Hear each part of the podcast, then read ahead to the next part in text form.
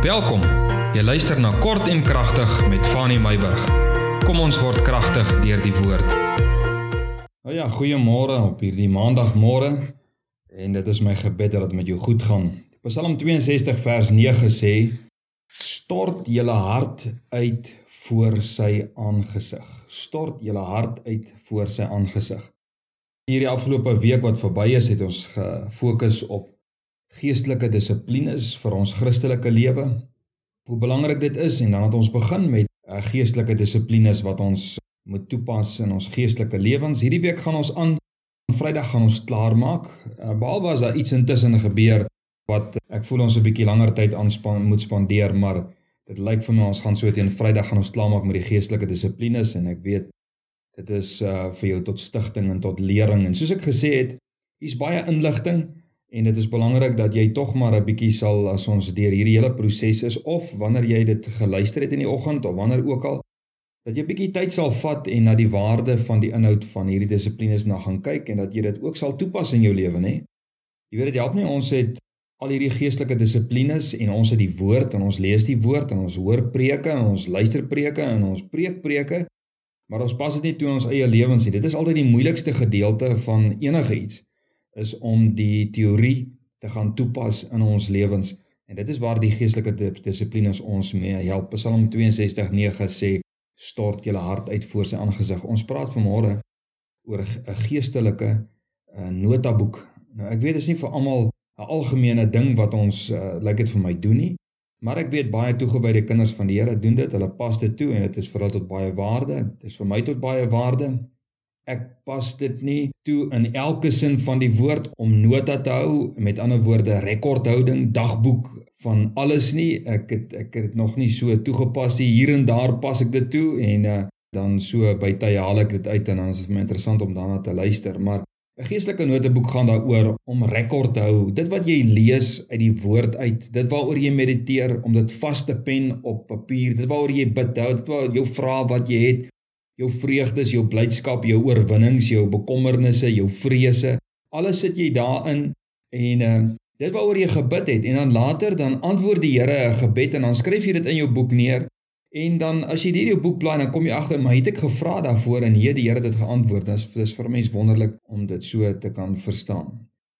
Dawid se psalms nê, nee, as jy dit gaan lees, is dit vir my interessant om te weet dat sy psalms is eintlik 'n tipe van 'n 'n geestelike notaboek. Dit is 'n om om dagboek te hou oor sy lewe. Dit beskryf uh, tog sy vreugdes en sy hartseer, sy oorwinnings, sy sondes, hoe hy oorwinning oor sonde gekry het, sy hart hoe hy dit voor God uitgestort het, soos wat ons Psalm vanmôre sê 62 vers 9 stort jou hart uit voor sy aangesig. En dan natuurlik Jeremia nê, se klaagliedere. Is ook 'n tipe van 'n notaboek wat hy gehou het oor wat het alles gebeur in die lewe van Jerusalem van Israel en uh, die pad wat hulle gestap het. Nou om 'n notaboek te hou, sal jy nou nie so spesifiek sien in die Bybel wat sê jy moet notas hou en jy moet notas maak en daardie tipe dinge nie, maar tog is dit 'n goeie geestelike dissipline wat jy kan toepas en jy sal vandag sien hoekom. So wat is ons doel wat rondom geestelike dissiplines? Op 'n einde van die dag pas ons al hierdie geestelike dissiplines toe om meer soos Jesus te kan word in denke, in insig, in wandel en in handel. En in spraak, nê? En omdat menige geestelike notas al geneem het, het ons tog wonderlike literatuur tot ons beskikking. Kyk al die boeke wat geskryf is, die dagstukke en die dinge wat baie mense um baie waarde daarvan uitput. Alhoewel ek nie 'n geweldige groot voorstander is van dagstukke nie omdat baie mense dit ge net gebruik as die vorm van Bybel. Daar is nie Bybelstudie nie, daar is net dagstukke en dit daarmee stem ek nie lekker staan nie. Maar omdat baie hierdie notas geneem het, soos byvoorbeeld dit Dawid, soos Jeremia en soos baie ander, het ons wonderlike literatuur, geestelike literatuur tot ons beskikking. So, wat is die waarde van 'n geestelike noteboek? Kom ons spring gou-gou weg. Nommer 1, die waarde van 'n geestelike noteboek. Dit help jou om jouself te verstaan en jouself te evalueer. Calvin het gesê eendag: Sonder kennis van jouself is daar nie kennis van God nie. Wat bedoel hy daarmee? Hy bedoel dat deur kennis van onsself en ons toestand ontwikkel daar tog 'n behoefte om God te soek. Wanneer jy notas neem, nê, dan kan die Heilige Gees juis jou behoeftes en tekortkominge en jou swakhede en jou sonde en die motiewe daaragter openbaar en jou so lei dat hierdie notaboek eintlik jou altaar word. Verstaan jy wat is die begrip? Die tweede gedagte is wat is die waarde van 'n geestelike notaboek? Dit help jou met meditasie wanneer jy die woord oordink. 'n Geestelike notaboek help my om te fokus op die belangrike geestelike begrippe waarop ek moet mediteer en waarop ek kan mediteer. Meditasie is soms 'n mislukking juis omdat ons gedagtes te ver afdwaal van die geestelike dinge waaroor ons moet mediteer. Wanneer jy met 'n pen in die hand mediteer, is dit so asof jy met 'n verwagting en 'n afwagting luister wat God vir jou wys en vir jou sê, want jy wil dit neerpen. Dis asof die een gedagte volg op die ander. Dis nie 'n klomp los gedagtes wat ronddwaal en rondval nie. Die derde gedagte van die waarde van 'n geestelike notaboek is dat dit help om uitdrukking te gee aan jou gedagtes en jou gevoelens teenoor God. Jy weet alhoewel paartjies baie lief is vir mekaar, is dit tog so dat 'n pen en papier ons gedagtes beter uitdruk. Nou vandag gaan dit mos nie nou net oor 'n pen en papier nie. Dit gaan mos oor ander forme van dagboek hou en notas hou. Maar die gedagte, jy verstaan wat ek bedoel. Nou in hierdie notaboek het jy die kans om jou gedagtes en dit wat jou dryf uit te stort, soos wat ons skrif sê, om notas te neem verstandig en diep die pas van jou gedagtes te verander wat ek wil sê is um, om hierdie notas te neem dit dit verstadig eintlik ons gedagteproses en dit verdiep ons gedagtesproses want dit wat ek neergepen het ek wil verstaan waaroor dit gaan ek wil begrip hê dit bring 'n verdieping en dit help ons so om God ook beter te verstaan en sy woord beter te verstaan. So wanneer jy jou gedagtes neerpen is dit asof jy ek wil amper sê die grys areas uitvee en dan kom daardie duidelike swart buitelyne kom na vore en jy kan die werklike betekenis kan jy sien en jy kan dit verstaan. Dit bring die werklike betekenis na vore. Die volgende gedagte rondom die waarde van 'n geestelike notaboek is dit help jou om die Here se werke te onthou. Hierdie is vir my nogal 'n belangrike ding en ek het dit in die inleiding het ek dit genoem. Baie mense dink dat hulle nie deur God geseën is nie. Tot die dag dat hulle alles moet inpak en trek na 'n volgende huis. Dan sien hulle eers dit waarmee God hulle alles geseën het. Nou deur te notuleer nê, dit notas te maak, neer te pen waarvoor jy bid en die antwoord van gebede ook te notuleer. sien jy hoe God gewerk het in jou lewe? Jy sien die gebed wat jy gebid het 'n maand gelede of 'n jaar gelede, sien jy? En nou word daar 'n gebed beantwoord. Jy pen dit neer en eendag gaan blaai jy deur en kom jy agter maar, het ek gevra? Het God geantwoord. Is dit nie kosbaar nie? Asaf sê in Psalm 77:12 en 13. Hy sê ek dink aan die dade van die Here. Ja, ek wil dink aan u wonders uit die voortyd en al u werk oordink en ek wil pyns oor u dade.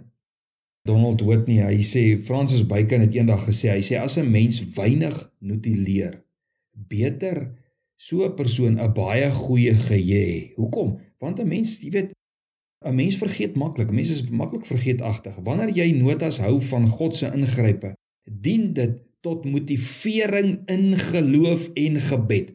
Dink daaroor. Het jy gebid en gevra op 'n stadium in jou notaboek? Hier het die antwoord gekom. Nou is dit vir jou 'n motivering. Jy vergeet nie van dit wat die Here, dit waarvoor jy gevra het en dit hoe die Here geantwoord op jou vraag nie. Jy onthou dit deur jou notas en dit gee vir jou daardie motivering en dit bou jou geloof en dit gee vir jou woorde om te bid en krag om te bid want jy kan terugverwys hoe God ingegryp het. Die waarde van 'n notaboek is dit help skep en behou 'n geestelike nalatenskap. Net so belangrik vir my. Om notas te maak is 'n effektiewe manier om ons kinders die dinge van God en die dinge van die geloof te leer en ons geloofsaksies oor te dra na die volgende generasies. Geweldig belangrik. Jy weet deur notas te neem is soos om 'n tydkapsule weg te bære. Eendag word dit ontdek, oopgemaak en is tot stigting en geloof van ons nageslag. Dis hoekom Psalm 102 vers 19 sê: Dit sal vir die volgende geslag opgeskrywe word en die volk wat geskape gaan word, sal die Here loof. Kosbaar, kosbaar. Volgende gedagte. Dit help met die verduideliking en die verwoording van insigte en uitdrukkings. Jy weet daar is 'n uitdrukking wat lui gedagtes ontknoop hulle self wanneer dit by die lippe en die vingerpunte verbygaan. Is dit nie mooi nie? Iemand het eendag gesê dat om te lees maak van jou 'n volmaakte man.